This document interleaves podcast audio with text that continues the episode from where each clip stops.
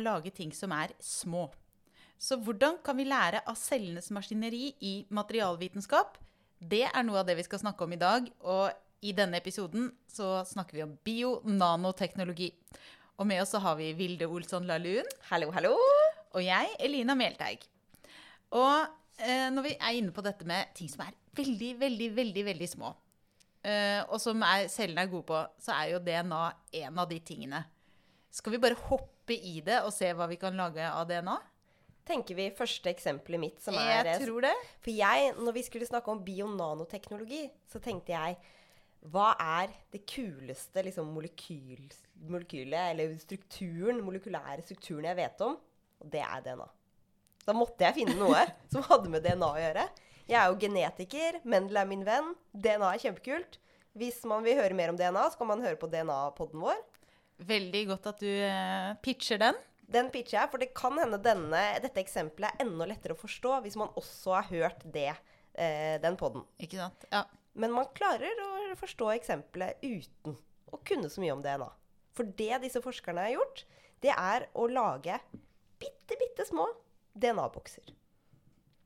Og hvor, hvor små er små i denne sammenhengen? For jeg ser for meg en liten boks. Men Elina, er du ikke interessert i å høre hvorfor man trenger en så liten boks? Jo, eh, jeg lurer jo veldig på hva, hva, hva man kan bruke det til. Eh, men, men, også hvor liten den er. fordi eh, i hodet mitt så tenker jeg sånn en liten boks, og siden det er DNA, så forestiller jeg meg at det er inni kroppen. Men det trenger det jo ikke være. Åh, du er inne på noe. Du er inne på noe. For tingen her er eh, disse DNA-boksene som skal brukes til å levere egentlig medisiner spesifikt til noen celler. For det har seg sånn at i dagens samfunn så vet vi jo egentlig ganske mye om ganske mange sykdommer. Vi vet en del om hvilke celler som blir syke, hvordan de fungerer, eh, hva som gjør de forskjellige sykene, eller cellene sykene, syke. om det er liksom hiv, om, de er, eh, om det er kreft, om det er virus, om det er bakterier. Så er det veldig ofte at vi vet hvor i kroppen sykdommen er. Og vi har lyst til å behandle den, men den er veldig vanskelig å behandle. Ja, så er det kanskje vanskelig å treffe riktig celle. Altså det, det, er jo det mye av medisinen går ut på. er jo at eh, Hvis vi ja, tar kreft, da. Skal ta de cellene, så må vi treffe bare de. Vi må treffe bare de. Og eh, du vil også ha et eller annet som, som kan transporteres til disse cellene uten at det er noe fare for at det kommer inn i andre celler eller at det ødelegger andre ting i kroppen din. Og det er da vi trenger en boks? En liten postboks? Det er da vi ja, det er akkurat det! En liten Jeg har skrevet postboks. Nei, er det jo, sant? ja. Vi trenger en liten postboks. Du er inni hodet mitt. Jeg er inni hodet ditt. Og den postboksen skal ha en merkelapp på seg. Men det er jo noen andre ting med den boksen som må være ganske, um, ganske uh, sikkert. Og det er jo at boksen ikke åpner seg på feil sted. Ja, ikke Så du trenger ikke en litt sånn halvveis på Du vet noen ganger i posten så får du noe som ser ut som har vært jorda rundt. Og så har det egentlig bare vært sendt fra naboen. Du vil ikke ha en sånn boks.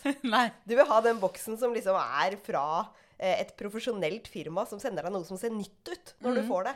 For du vil at det skal leveres uten å bli ødelagt, og uten å liksom komme i, i nærheten av ting det ikke skal komme i nærheten av. Da. Ja. Og her er DNA-boksen lur. Og det er én ting til som er viktig når man skal ha en postboks inni kroppen. Hva er det? Hva tenker du er viktig hvis man skal ha en boks flytende rundt inni kroppen? Eh, det er jo kanskje at den ikke setter seg fast, da.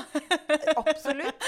Og i likhet med at den ikke er farlig. ja, ja. For det er jo liksom, det er veldig lett å egentlig lage en, en hard og kul boks, men som kanskje ikke er sånn veldig eh, sunn for kroppen vår.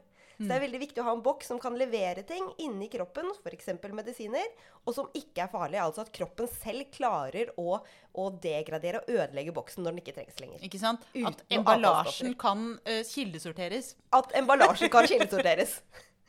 Vi burde jo Vi burde starte i posten. Ja, eller bare fortsette med podkast. Ja. Så ja, emballasjen må kildesorteres. Og boksen må eh, kunne liksom sendes til riktig sted. Og boksen må være hard nok. Og her er DNA. Cage kaller de det. En DNA-boks. Eh, det optimale. Og hvorfor det? DNA er jo noe som finnes i alle cellene våre. I alle cellene til alle levende organismer. Så vi kan jo definitivt eh, degradere og ødelegge det. Og det er også en struktur som er kjempesikker, eller hard. Så den har liksom muligheten til å, til å holde boksens struktur når den blir transportert rundt i kroppen. Og cellene er jo veldig vant til å jobbe med DNA.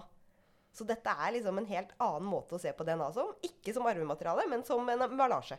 Men eh, hvordan, å si, hvordan setter man frimerke på denne boksen? Eh, fordi eh, hvordan vet den hvor den skal? Det kommer jeg tilbake til. Ok. Men det jeg først skal si noe om, er det du lurte på. Hvor liten er denne boksen? Den er kjempeliten! De første DNA-boksene som lages, de var litt sånn firkanta. Eh, og så fant de ut at nei, mm, ikke helt optimalt å ha firkanta bokser, så de prøvde å lage liksom heksagonale, runde, alle mulige slags strukturer.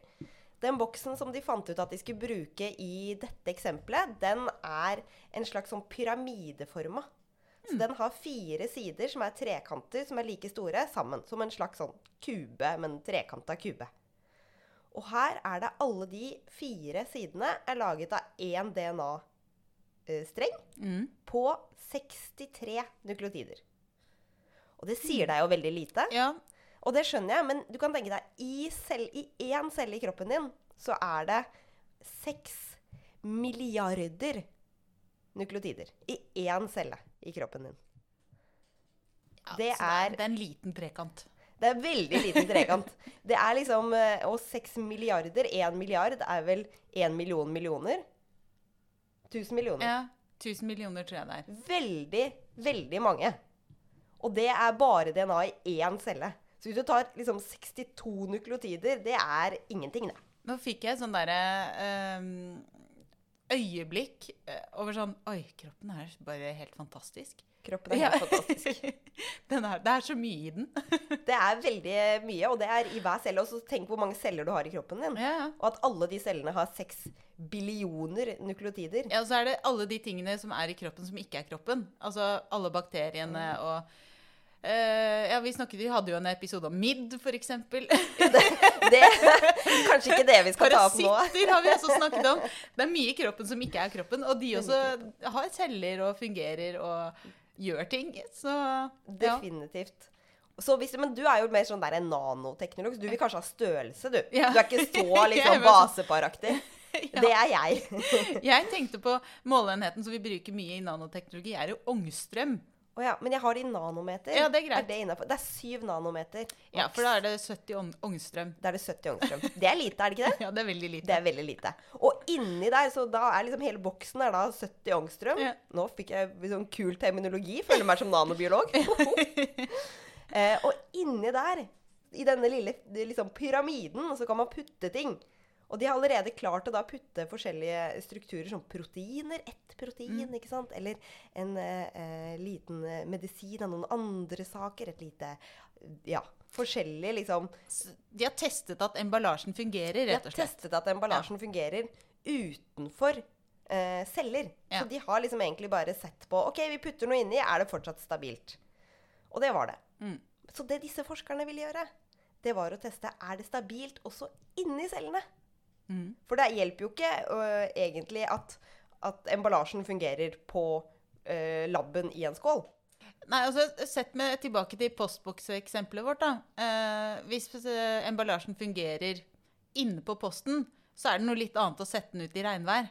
Det stemmer. på en måte. Ja. Eh, det er jo ikke sikkert at den tåler vann. Det er akkurat det. Så det, Og så er det litt sånn at når man jobber med, med ting som det her, så starter man jo på steg én. Og steg én er egentlig å sjekke fungerer emballasjen da helt av seg selv. Ja, det gjør den. Steg to er fungerer emballasjen i celler og rundt celler. Og det er det forskerne skal finne ut av her. Og steg tre er jo fungerer emballasjen som den skal inni kroppen. Blir den liksom transportert rundt som den skal, og blir den tatt opp av celler som den skal. Ja, ikke sant? Funker frimerkene. Funker frimerkene, og funker de i en kroppssammenheng, ikke Ja. bare i en celleskål på laben. Men på dette eksempelet så var de på da eh, celleskålene på laben. For man må jo gjennom det steget også. Og det jeg likte med denne artikkelen, var at den var veldig sånn elegant. For det de gjorde, var å se For det første, kan cellene ta inn disse boksene? Hjelper jo ikke om cellene og boksene er, kan være på samme sted, men, men de aldri kommer i kontakt med hverandre. Så forskerne tok egentlig bare og lagde masse bokser. Og så eh, putta de det sammen med cellene. Og i tillegg til å lage boksen, så satte de på liksom farge på boksen. Så de satte på et litt sånn fluoreserende fargemolekyl. Satt fast Det på. DNA-boksen. Også en episode om. Det har vi. Så hvis du vil vite mer om biofluoreserende stoffer, så kan du bare sjekke bioluminescens-episoden vår. Ja. Ja.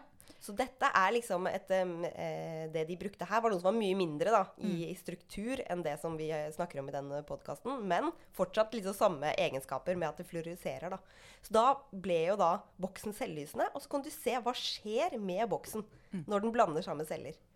Og de fant ut at boksen, cellene, de tar og spiser opp boksen. Og tar boksen inni seg. Og beholder boksen inni cellene sine.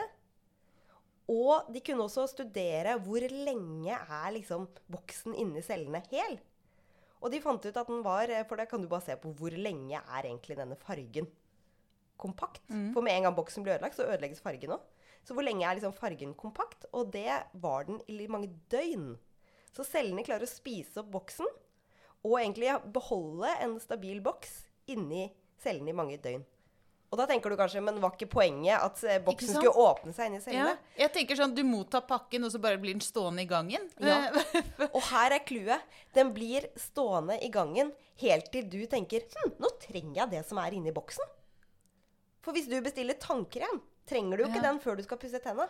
Nei, nettopp. Og sånn er det med disse cellene òg. Disse boksene de kan åpnes når de kommer i kontakt med helt spesielle ting. Ja, som er Inni cellen. Ja, som er, å, selvfølgelig. Som er styrt av behovet. Så Ja. behovet er på en måte frimerket. Ja, på en, ja. Ja, I hvert fall i de cellene. Sånn at da er det sånn at ja, de, det er viktig å vite at boksen kan være stabil også inni cellene. For man vil ikke at den skal åpnes før, før det er tidspunktet for det. Veldig ofte så er det jo f.eks. med kreftceller i forbindelse med celledeling. da. At man vil bare at boksen skal åpne seg når celledelinga skjer. Da kan de sitte og vente helt til celledelinga fungerer. Da får boksen beskjed om 'nå skal det åpnes'.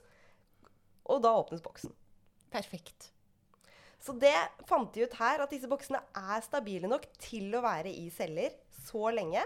Og man vet jo at de kan åpnes på helt spesifikke, eh, med helt spesifikke merker eller behov for cellen. Så mm, forskerne var eh, fornøyde og har nå søkt om å få steg to i, i denne prosessen åpen, da, for å liksom kunne gå videre inn i utforskninga og prøve å gjøre det sånn som i f.eks. i mus. Og da er vi jo et godt steg på vei for å lage et eh, skikkelig velfungerende postpakkesystem i kroppen, som gjør at vi kan, vi kan styre hvor medisin skal, og når. Ikke sant? Og kanskje bare til det stedet i kroppen hvor den skal. For det er jo, vi vil jo helst eh, ikke behandle hele kroppen, men de cellene som er syke. Akkurat. Og det er også eh, det siste som jeg egentlig skulle si. så Det var bra du tok opp. Fordi Søren, du er inni hodet mitt. jeg er inni hodet ditt. Jeg, ja, vi. Vi, altså. For det er jo liksom Nå har jeg sagt at ok, cellene tar opp boksen. Eh, og boksen kan ventes før den åpnes inni cellene. Men hvordan finner boksen de rette cellene? Det var jo noe av det første du spurte om. Da er det sånn at på liksom overflaten av boksen så kan man bokstavelig talt putte på en merkelapp. Og en merkelapp som er mye studert, og som fungerer veldig bra, er f.eks. For forlat. Det er jo noe som vi mange har hørt om. Ja, det er jo et stoff i kroppen. Det er det jeg tenker. Så man egentlig, jeg tenker at man Folat, er ikke det det man tar i sånne derre øh, vitaminpiller eller noe sånt? D-vitamin, liksom? Ja, det kan man ta i vitaminpiller. Og det som er med forlat, er at celler som deler seg, de trenger veldig mye forlat. Så celler som deler seg, de vil ha forlatreseptorer på utsiden av cellene og lete etter forlat. Så de er liksom på jakt etter forlatt hele tiden. Forlat, forlat, forlat, forlat, forlat. Så hvis vi da har masse forlat på boksen vår, så kommer de cellene som leter etter forlat fordi de skal dele seg, til å finne boksen vår og tenke ja, jackpot, masse forlat! Og egentlig så var det en boks med medisin. Det der er ikke en boks, det er en trojansk hest. En trojansk hest. Ja, så blir det egentlig en trojansk hest, da. Og sånn kan man da merke forskjellige celler. Hiv-celler f.eks. har liksom eh, helt spesielle overflater. De leter også etter helt spesielle ting.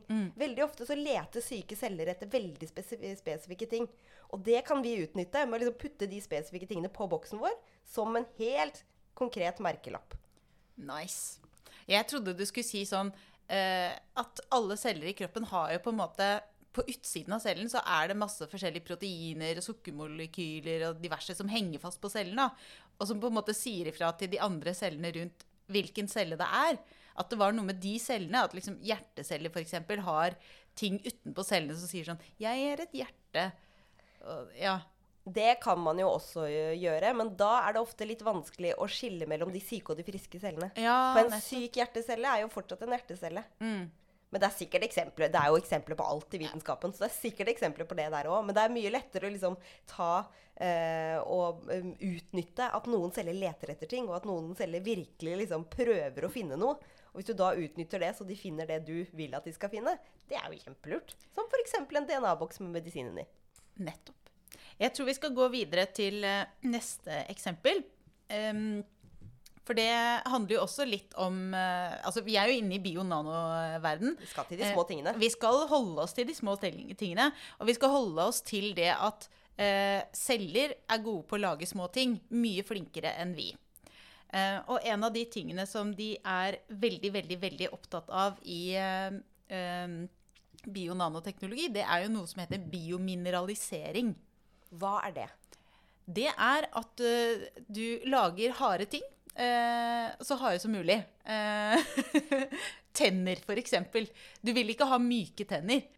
Nei, det Nei. vil jeg ikke. Og du vil ikke ha mykt skjelett. Også kroppen, menneskekroppen lager også Vi også lager stein, på en måte, da, eller mineraler av eh, ting som ikke er mineraler i utgangspunktet.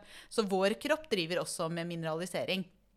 Og så kan du si at eh, de organismene eller dyrene som er best på det, det er jo f.eks. Um, eh, de som lager skjell, da. Ja, For jeg tenkte på skilpadde. Mm, ja, med sånn skall. Mm. Eller ikke skall, men ja. Ja, men det er jo ett eksempel, da. Um, og vi har, det jo, vi har jo skall, vi òg, på en måte, bare inni kroppen. Vi har bein. Uh, så hiver vi musklene og sånn på utsiden, og så har du andre dyr som på en måte har beinet på utsiden. Men um, dette er interessant fordi uh, hvis vi kan kontrollere denne biomineraliseringsprosessen, så kan vi lage harde strukturer som også er miljøvennlige og veldig lette. Eh, fordi biomineraliserte ting er ofte sterke i forhold til vekt. Så de er veldig lette. Det er mye lettere enn la oss si en jernstekepanne. Så hadde det vært lettere hvis du hadde hatt en eh, tilsvarende stekepanne laget av Bein. skjell eller Skjell. bein. Ja. Um, og de er ofte miljøvennlige. De er ikke giftige, og de er nedbrytbare.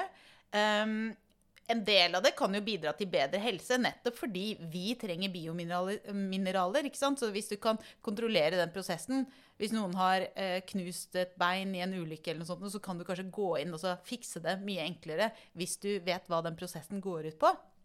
Men tenker man at vi skal lage eh, samme biomineraler eller, som dyrene eller organismene, eller skal vi bare få dem til å gjøre det for oss? Begge deler. Og så er det kanskje ikke sant, ett element til, og det er hvis vi forstår den prosessen, kanskje vi kan gjøre det bedre enn naturen.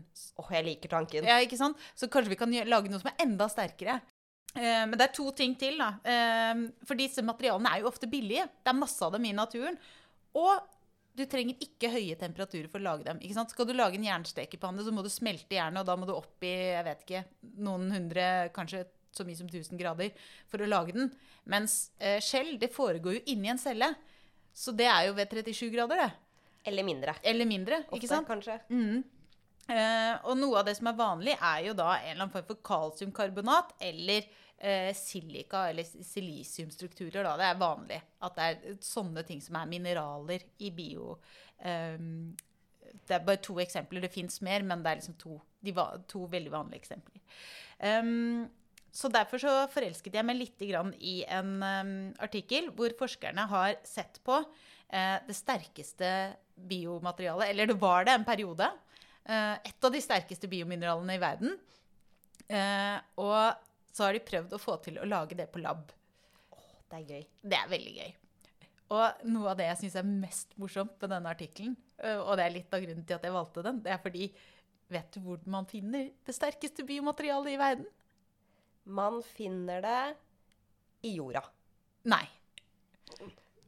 Har du noen gang gått på stranda om sommeren og så liksom skåret deg på en av de Ja. veldig sånn spisse Irriterende små greiene. Ja. Ikke, ikke stillehavsøsters, for de er skarpe, men de som er spisse, litt De sånn som sitter fast på steinen. Yes! Mm, det har jeg. Det er en albuesnegl. En patella vulgata. Og eh, de her er veldig morsomme, fordi disse sneglene som bor i disse trekant, disse teltformende Ja. skjellene, de er morsomme fordi de lever av eh, alger. Og de spiser disse algene ved å skrape dem av granitt, som er en veldig hard steinart. og da må du ha kjempesterke tenner. Så de går ut av de små husene sine, skraper med tenna sine.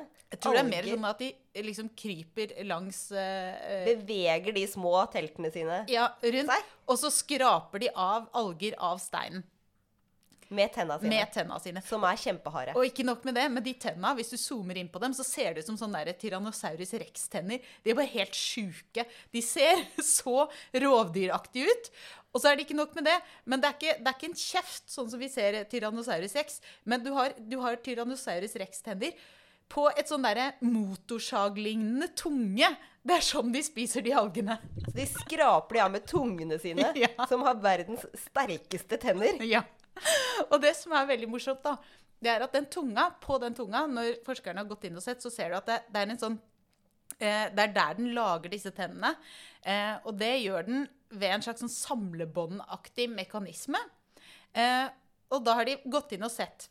Eh, først så så de at ok, genuttrykket er litt forskjellig på ulike steder i, på denne tunga, på dette samlebåndet. Eh, og så har de funnet ut hvilke gener som på en måte gjør hva hvor. Og så tenkte de ja, dette må vi prøve å gjenskape på lab. Fordi vi har ikke fått til å lage noe lignende på lab. Det er liksom Det er som jeg sa, eh, celler er best på å lage ting som er små. Vi er ikke like gode på det, rett og slett. Um, og så er det en sånn kompleks greie med disse tennene, og det er at de er så utrolig harde fordi de er kompositter. Hva tenker du når jeg sier det? At de består av forskjellige ting. Ja! Ja. Akkurat! De er på en måte sånn som Hvis du har armert betong, så har du liksom en sånn stålstruktur inni betongen som Ja. gjør den enda hardere. Eller liksom enda Har de det? Ja, det, det er på en måte det de har. For de har noe som heter kitin, som er det samme som du og jeg har i negler og hår. Det har de på en måte som en slags sånn armering da, mellom eh, perfekte eh, krystaller av jernoksid og kalsiumkarbonat. eller Så har de liksom et kitinnetting, og så bygger de det andre rundt. Yes. Og så er det forsterket, som jeg sa, med jernoksid. Så det, det, det er hardt. Det er eh, harde, harde rovdyrtenner eh, vi snakker om. Jeg er så glad for at vi mennesker er noen av de største dyrene på jorda. Så ikke vi behøver å være redd for disse tingene. Ja, De stakkars algene, derimot. Ja, vi, Ja. Ikke sånn, Se for deg at du er en bitte liten alge, og så kommer det sånn der gigatelt eh, med tyrannosaur. Skrape meg av. Nei, men neste gang jeg går på stranda og blir liksom kutta opp av de teltene, så skal jeg tenke det er noen som har det verre enn meg akkurat nå. Og det er de algene. Men i hvert fall så, eh, så mm, er det veldig hardt, og det er vanskelig å lage fordi det er en sånn kompositt. Eh, og derfor så um, tok disse forskerne da og så på den molekylære mekanismen, altså steg for steg. Hvilke gener er det som gjør hva? Hva betyr dette i, eh, i prosessen? Og så klarte de å eh, gjøre det til en viss grad på lab. Men det de også gjorde, det var at de isolerte celler fra denne tungen på ulike steder på tunga, og så kultiverte dem, og fikk til å dyrke fram disse cellene for seg selv. Så eh, etter en uke cirka, så hadde de egne sånne eh, patella vulgata-celler tunge Tungeceller. i- tungeceller, ja, på lab. Eh, og etter tolv uker så hadde de noen rader med tenner på disse cellene. Så da kunne de på en måte si at ja, vi får til å gjøre det utenfor organismen. Men etter at de fikk forsto den prosessen bedre, så prøvde de også å lage disse komposittmaterialene ved at de lagde disse stillasene, eller disse, den armeringen da, av kitin, Kitin, eh, for seg. Og så laget de en slags sånn matrix, hva skal jeg si, en cellevæske, da. Det er, For det blir jo ikke Matrix som i filmen, men den blir, Nei, det, det er liksom Matrix. Mm. Så de lagde det ved å få cellene til å produsere den samme væsken. Fordi det de så, var at det er eh, Hvis vi Det er cellene som er best på å lage det, men hvis, de, hvis vi får dem til å liksom gjøre det utenfor seg selv, at de bare lager de, de strukturene eller de kjemikaliene på en måte da, som skal til, Eh, og så får vi mineraliseringen på dette nettverket, fordi de vil helst kontrollere så mye som mulig av prosessen til å lage andre ting enn tenner. ikke sant? Det er jo derfor vi lager dette her. Vi behøver ikke så mange tenner. Vi behøver tenner. ikke tennene. Vi, vi, vi vil bare kontrollere prosessen for å lage harde andre ting, ikke sant? Men det var akkurat det jeg egentlig hadde tenkt å spørre om. Hva skal vi, hvorfor trenger vi noe som er så hardt? Har vi ikke diamanter? Godt poeng, men det er jo Det er fint å lage ting som er hardt, hvis man f.eks. vil ha um, Ja, da Nå Jeg ser for meg sånn sagblad, eksempel, når man skal kutte Ja. betong og er eh, Altså, det er jo veldig fint å ha harde materialer til nettopp det, da. Industri. Um, fordi at da kan du lage for, for det første så trenger du harde ting til å bearbeide harde materialer. Eh, så det er én ting. Men så er det jo veldig fint med harde materialer som kanskje ikke slites like mye, som tåler mer, da. Så kan du bytte dem litt sjeldnere. Og så tipper jeg, sånn som med alle andre ting her i verden, at romfart er sikkert interessert bare fordi romfart er romfart. Romfart er gøy. Ja, ikke sant? Um, så mm, det er nå én ting. Oppsummeringen er at forskerne fikk det til.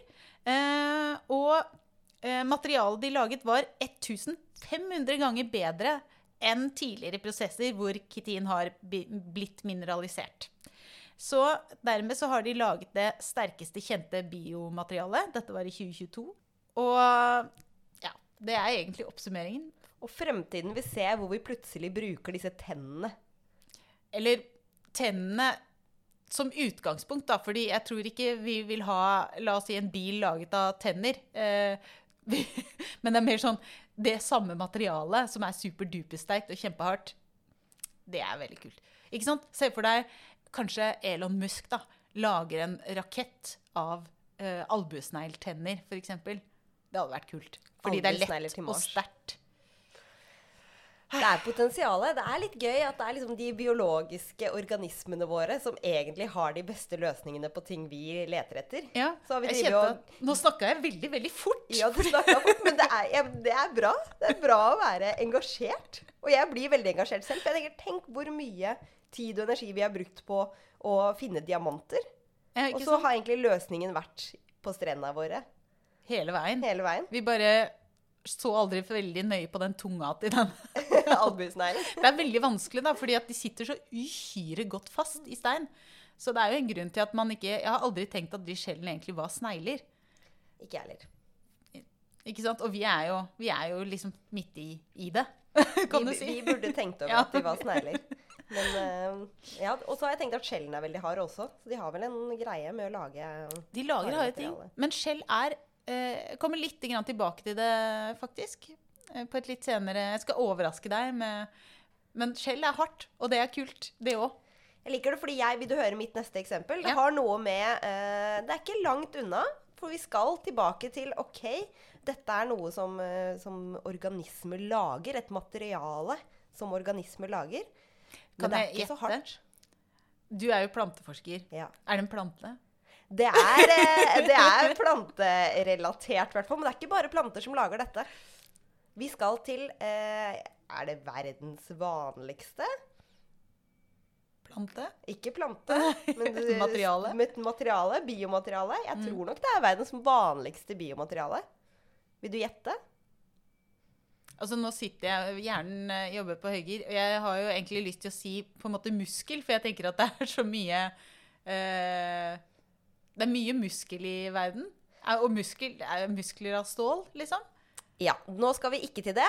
Vi skal, vi skal til verdens vanligste eh, biomateriale, som er cellulose. Nettopp. Og Ja. hva er cellulose for alle oss menneskelig dødelige som ikke bruker ordet cellulose så veldig mye? Det er jo egentlig cellevegg til celler. Planter har cellevegger, og bakterier har cellevegger. Og det sørger for strukturen til cellen. Og for oss eh, helt vanlige folk, så er jo da cellulose det vi regner som fiber i maten du spiser. Ikke sant? Ja. Så egentlig så er cellulose sukkermolekyler som er kobla tett, tett, tett etter hverandre i et slags matrix. Struktur, nettverk, akkurat som du snakka om i Maketin-nettverket. Så et slags liksom, sukkermolekylnettverk som sørger for strukturen til celler. Og vi mennesker, vår fordøyelseskanal, kan ikke fordøye cellulose. Så for oss så går bare cellulose rett gjennom eh, eh, tarmene våre og sørger for god fordøying. Ak fordøyelse. Akkurat som fiber. Det er fiber. Det er det vi vet. Ja. Noen dyr kan jo fordøye fiber. Jo, men det- du, eksempel. ja. Men det er jo fordi de har spesielle bakterier i tarmen som hjelper til litt, da. Ja, det stemmer. Men det som er gøy med cellulose, er jo nettopp at det er så veldig mye av den. Og fordi de har dette nettverket, så kan man bruke det til noe helt annet enn mat. Ja, ja nettopp. Har du lyst til å gjette hvor vi skal? Jeg, jeg tipper medisin. Vi skal til medisin. Det var helt riktig. For det har seg sånn, i 2023, som vi nå er i, så blir vi bare flere og flere mennesker. Vi blir eldre og eldre. Vi blir flinkere og flinkere, som jeg sa, på å egentlig hjelpe mennesker, menneskeheten, medisiner. Og noe vi merker at vi trenger er mer av, er egentlig donororganer og donorvev. Nettopp. For nå så klarer vi jo faktisk å bytte organer oss imellom. Og vi klarer også, f.eks. hvis du har vært utsatt for en eh, brannulykke, så klarer vi å ta vev fra noen steder av kroppen din og liksom putte det på de stedene hvor du har, har da fått en brannskade. Og så hjelper de eh, friske cellene til brannskadestedet med å egentlig eh, Hva skal jeg si? Ja? Regenerere. Regenerere. Ja. Det fine norske ordet 'regenerere'. Ja. altså eh, hjelpe til med å, å bygge tilbake det friske vevet. Og det som er viktig hvis du har en stor skade på vev da, i kroppen din, det som er viktig for å kunne bygge opp igjen friske celler på dette stedet, er at de cellene, de friske cellene må ha noe å liksom binde seg til. De må ha et sted å være. De må få lov til å liksom klare å, å bygge strukturen hud. Er det litt sånn som med denne armeringen, på en måte? Altså at Ja. cellene trenger en slags sånn armering å kobles på? Cellene trenger en armering å kobles på. Det, det stemmer. Og hvis du tenker at uh, det skjer noe med deg, da, og du har lyst til å få liksom, en donorarmering fra meg, så funker jo ikke det så fint. For jeg kan ikke ta alle mine celler og putte de på din kropp. Nei, det går jo er... Da får du jo en immunrespons. ne Nettopp. For du vil jo reagere på mine celler og si 'men det her er jo ikke meg'. Ja, altså kroppen min vil rett og slett Der er vi litt tilbake til dette med postkasser og, og frimerker, som vi snakket om i første eksempel. At min, min kropp vil ikke egentlig ta imot dine postkasser eh, sånn uten verk Ja, vi ikke ta imot de, de- mine celler. Vi skjønner at dette, dette er jo ikke meg. Dette er fremmed. Dette vil jeg ikke ha noe av. Og så vil det frastøte eh, mine celler. Alt, akkurat som man kan frastøte et organ hvis man får et nytt organ. Så det man gjør da for å forhindre det, er egentlig at man tar vev fra en frisk person, og så tar man vekk alle cellene. Man gjør noe som heter decellularisering. Altså fjerner alle cellene. Og det man sitter igjen med da, er et nettverk av egentlig hud uten celler. Og dette nettverket av hud, det kaller man et spøkelsesorgan. For det er liksom et, et hudorgan, men det har ikke noen celler i seg. Men det det gir deg da, det er egentlig liksom nettverket som celler, dine egne celler trenger å feste seg til for å kunne gro og fikse det ødelagte stedet. Så sånn spøkelsesorganer som man tar fra én hud, tar vekk alle cellene og gir til en annen hud, det vet man fungerer kjempefint. Og det fungerer på tvers av mennesker, og man kan bruke det for liksom å gjenoppbygge friske celler på et sted hvor det har vært ødelagte celler. Problemet er jo at man må jo ha frisk hud fra en person. Og det er jo begrensa hvor mye frisk hud man har fra en frisk person. Man kan jo ikke bare ta umenneskelige mengder hud. For den personen det blir tatt hud fra, får jo da et stort hull der hvor du kan hudet det, men det er det som er. Det er umenneskelig. Det er veldig umenneskelig. Så det disse forskerne har nå begynt å tenke på, er ok, men hva om vi prøver å lage et sånn spøkelsesorgan, altså nettverket friske celler trenger, av annet vev? Hva med et vev det finnes veldig, veldig mye av? Kanskje et vev som er det mest kjente biomaterialet, og mest, eh, det biomaterialet det er mest av i hele verden. Hva med Cellulose. cellulose? Hva med fiber? Hva med plantens eget egentlig nettverk? Så vi skal lage spøkelsesorganer av planter som vi setter inn i folk. Det de gjorde, det er akkurat det de har gjort. Så det de har gjort, er å ta eh, et eple. Og så har de tatt eplefrukten, skåret den i mange tynne striper. Og så har de tatt den ut. Så har de tatt vekk alle eplecellene. Så det de sitter igjen med da, er spøkelsesorgan av cellulose uten epleceller. Og så har de prøvd å finne ut av kan vi bruke dette spøkelsesorganet til å reparere hud. Eller gir det en immunrespons, som man var redd for at liksom, cellene skal, eller kroppen skal reagere på at dette er farlig. Og uh, I stad snakka jeg om at man først begynner å teste ting liksom, uh, om det funker, og så tester man det på celler, og så tester man det i mus eller mennesker da, etter hvert. Og I dette eksempelet så har de da kommet til at de tester det i mus. Så det de har gjort, er jo å ta spøkelsesepleorganet og putta inn i mus, underhuden til mus. Eller, og og transpo, transplanterte egentlig inn et sted inni musa hvor det var ødelagt ved. Og så har de observert immunresponsen etter én og én uke. I åtte uker. Og hva så de etter én uke, Elina? Vil du gjette? Um, altså jeg tenker at Siden vi presenterer det her, så vil jeg jo tro at det, det gikk bra med musen. Etter en uke så, så de en ganske sterk immunrespons. OK, uff da. Så det betyr at musa har tenkt OK, hva er dette? Dette er ikke noe jeg liker. Dette vil jeg ikke ha noe av. Uh, hva skjer? Det som er, er det ser man alltid etter en transplantasjon. Selv om egentlig transplantasjonen er, er vellykka. Hvis du får et nytt organ, de første ukene vil man alltid se en, en immunrespons. Og det var akkurat det man så i musa også. Det var jo ganske forventa. Men det man også så, var at uke etter uke, når de da observerte denne eplespøkelsesorganet i musa, så så man at immunresponsen ble mindre og mindre. Man så at cellene til musen begynte å feste seg til spøkelsesorganet. Begynte å koble seg sammen.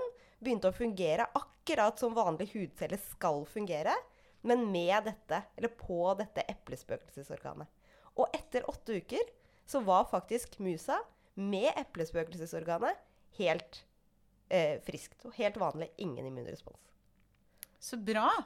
Altså, fordi man kunne jo kanskje sett for seg at det, det ble litt sånn eh, Fikk et lite skinn av Royal Gala i huden, liksom. Men Det kan, det kan godt hende at man så det litt, men i hvert fall musa var jo frisk. Ja. Så det betyr at vi mennesker kan Mest sannsynlig så kommer det til å fungere på oss også. mm. Og det forskerne også har laget en stor eh, eh, Eller gjort veldig mye her, er å finne en metode for å lage dette spøkelsesorganet som er veldig lett. Så egentlig alle i hele verden som har et eple og en, et helt vanlig kjøkken, kan egentlig lage et eplespøkelsesorgan. et, det tror jeg er å dra det litt langt. Ja, det er å dra det litt langt. Men det er, de har liksom laget det. Du behøver ikke noe spesielle ting. Du behøver ikke en 3D-printer. Du behøver ingen farlige, vanskelige kjemikalier. Du behøver svært lite for å lage denne strukturen. Men hvordan får du, får du eplecellene ut? Du sa det jo, men, men krever ikke det liksom noen spesielle prosesser? Det krever egentlig en eh, enzymatisk prosess. så Du må få tak i de enzymene. Ja, men de kan man få eh, Jeg kan gå inn i hvordan man får tak i de, men det er ikke vanskelige enzymer å få tak i. Det er veldig generelle enzymer som finnes veldig mange steder. Da. Sånn at det, det er ikke noe vi, det er, Dette er liksom mulig på alle sykehus i hele verden. Kan lett få til å gjøre dette. Så det betyr at hver gang man har en, en skade i eh, Nå er jo dette for hud, da, men dette vil jo sikkert eh, forskes på gjøres eh, generelt på alle organer. Altså, så vil man klare å, å lage sånne strukturer på en veldig lett og billig måte som gjør at yes, her er det bare å lime på liksom litt sånn epleplaster, og så fikser det seg. Det er jo tanken, da. Og at man da ikke behøver noe donorperson. Man behøver ikke donorvev fra en person. Man kan bruke et eple. Nice. Vet du hva man kaller en uh, mann som har fått uh, epleorgan eh, på seg? Nei. En kjernekar. ok. OK, Elina, nå tror jeg vi skal gå over på ditt siste eksempel. Jo. Um, men det passa veldig bra at du hadde snakka om cellulose, fordi cellulose har faktisk også vært i, med i kampen om å være verdens tøffeste biomateriale. Eh, I 2018 så var det forskere i Sverige som hadde laget cellulosefibre. ehm, og fått til å lage et materiale som var åtte ganger stivere og hardere enn edderkoppspinn. Og det materialet var også flere meter langt, så de kom veldig langt i å lage et veldig hardt materiale. i, eh, i år, altså Nei, i fjor, mener jeg, i 2022, så var det noen som hadde klart å lage kunstig silkeormspinn som var 70 sterkere enn edderkoppspinn. Um, og det hadde de gjort ved å putte edderkopp-DNA inn i silkeormer. Men hvor sterkt er edderkopp-DNA? Eh, Nei, edderkopp-spindelvev? Veldig, veldig sterkt, og det skal jeg komme litt tilbake til. Fordi eh, artikkelen som jeg har eh, plukket ut, er på en måte liksom begynnelsen på dette edderkoppspinn-eventyret. Fordi edderkoppspinn er jo fordi, for, nettopp fordi det er lett og veldig hardt, og fordi Spiderman er kul, så har man prøvd å lage edderkoppspinn veldig, veldig mange ganger eh, på lab. Men det er fryktelig vanskelig.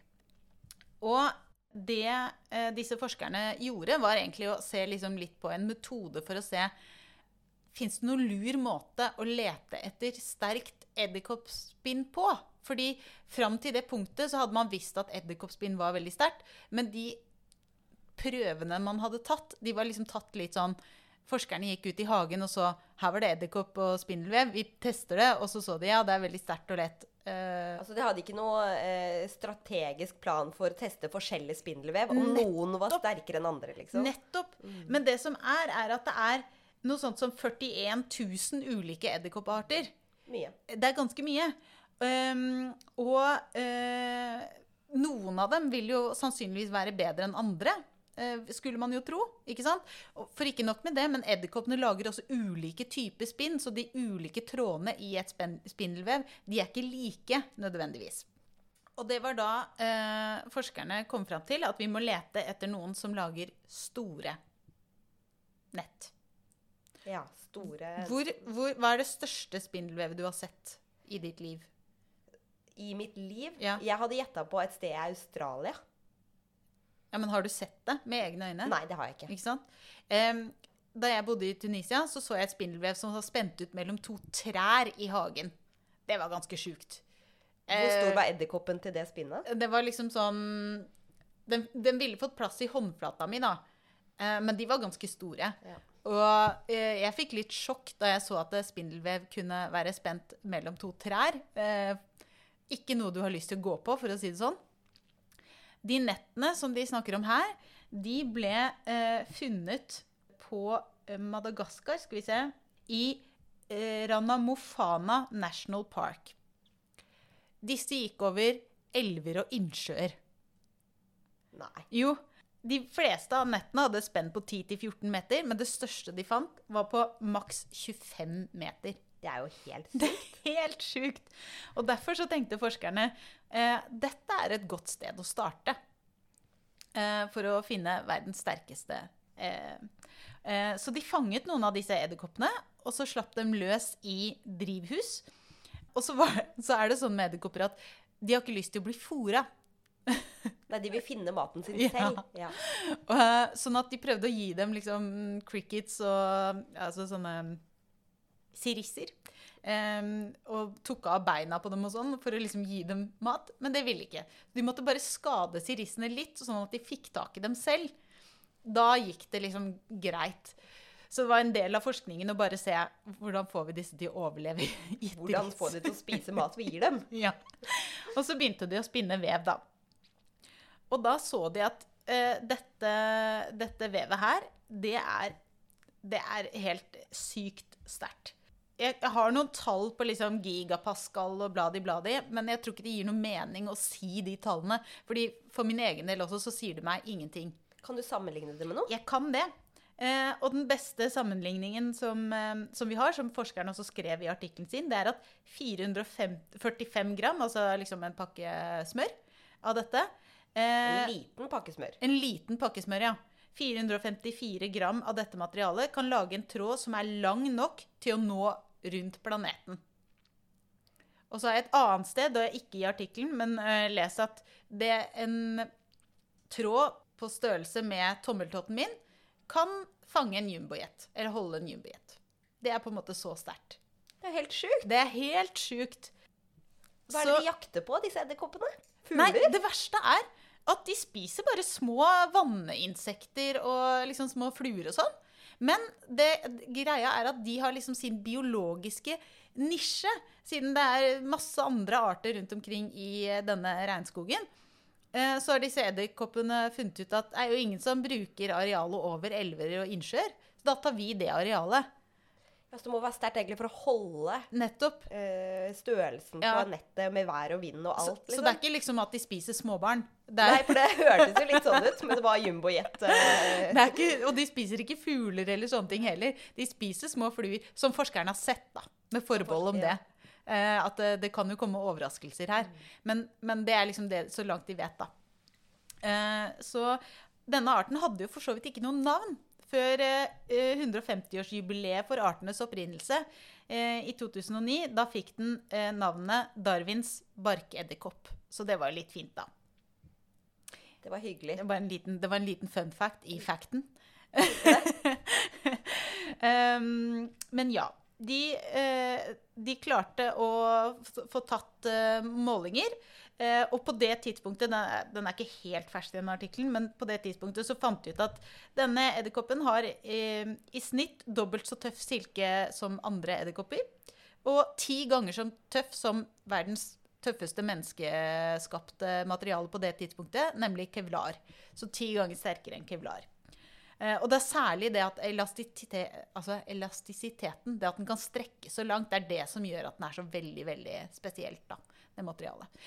Men kan man bruke det til noe? Kan man liksom få, få edderkoppene til å lage det, og så kan vi bruke det til noe? Eller er det er vi fortsatt Altså- i der at vi bare fant ut at det var sykt sterkt eller hardt, liksom? Vi, vi er litt der, fordi det forskerne jo eh, gjorde seg noen erfaringer med, var at disse uh, edderkoppene de er ikke så hyggelige å ha med å gjøre. De er ikke så glad i å bo på lab. Da. De liker seg best der hvor de er i nasjonalparken sin. Eh, så det er noe av grunnen til at eh, vi har endt opp sånn som jeg sa helt sånn innledningsvis i dette eksempelet. Altså man prøver å få silkeormer som liksom bare liker å spinne en kokong rundt seg selv. Det er litt lettere å ha på lab. Ja. Så putter du edderkopp-DNA inn i de, så er det liksom sånn da får du jo sterkere materiale enn det du har her, da. Um, men det var mer som et sånt For å illustrere det at ja, vi må kjenne naturen for å på en måte finne de sterkeste, beste løsningene. Fordi det er der ute. Noen har spesialisert seg på å lage nett over innsjøer. Vi må bare finne dem. Det er jo veldig fascinerende. Og tenk på alt vi ennå ikke vet. Ikke sant? Her var det jo leita aktivt etter en ting de så etter, men tenk på alt vi ikke eh, har funnet ut av ennå. Kanskje vi kommer Ja. Det er jo så mye potensial som allerede er funnet opp ute i naturen vår. Ikke sant?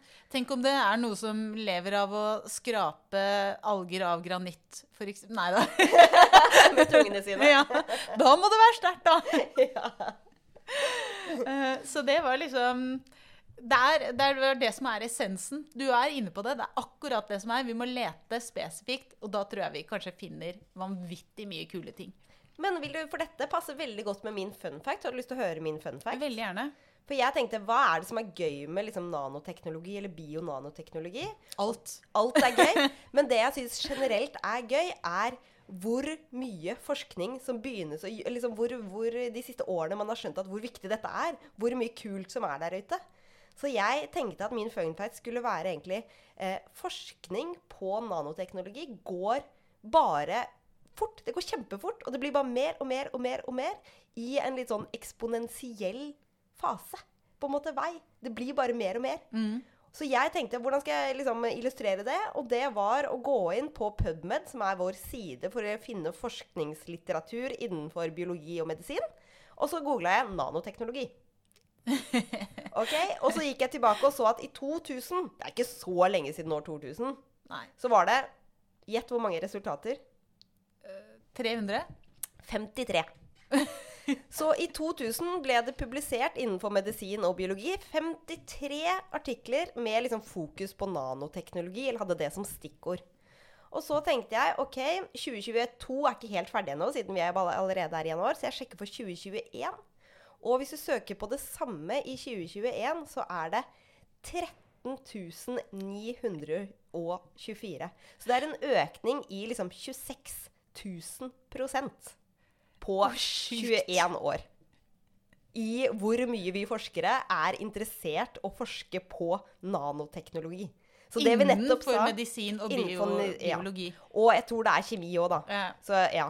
Men det, men det sier litt om liksom hvor nettopp det vi sa, da. Hvis vi går ut og leter og forstår at det er noen der ute som faktisk har gjort det eh, for oss, og prøver å finne ut av det og lage det selv, så er det potensial for veldig, veldig, veldig mye. Og det reflekteres jo i 26 000 økning i Det, det er så vilt. Det er ganske vilt.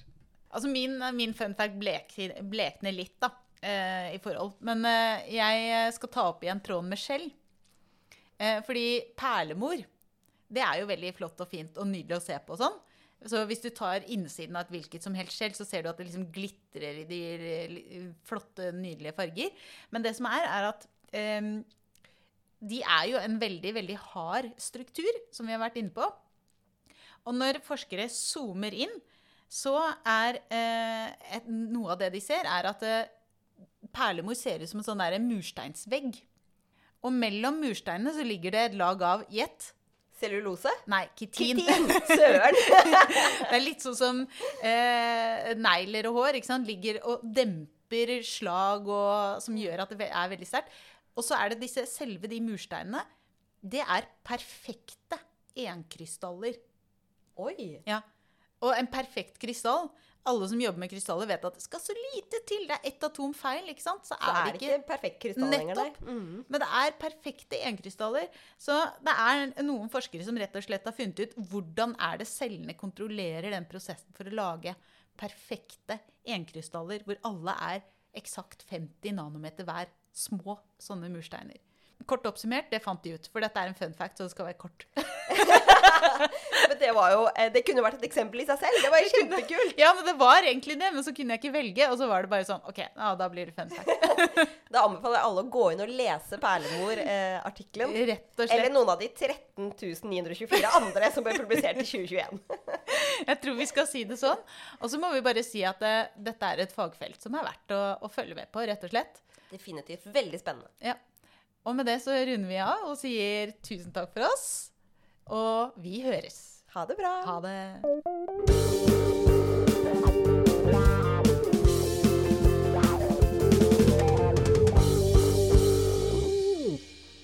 Du har nå hørt Biopodden med Vilde Olsson Lahlun og Elina Melteig. Og med på laget har vi også Torborg Galtland, daglig leder i Norsk biologforening. Musikken du hørte, er laget av biologibandet Overgump, som består av Even Sletteng Garvang, Markus Fjelle, Erik Møller, Mathias Kirkeby og Audun Rugstad. Fortell gjerne om podkasten til venner og kjente, og gi oss tips og tilbakemeldinger på e-posten biopodden alfakrøllbio.no. Og så er du hjertelig velkommen til å støtte oss ved å bli medlem av Norsk biologforening. Vi høres.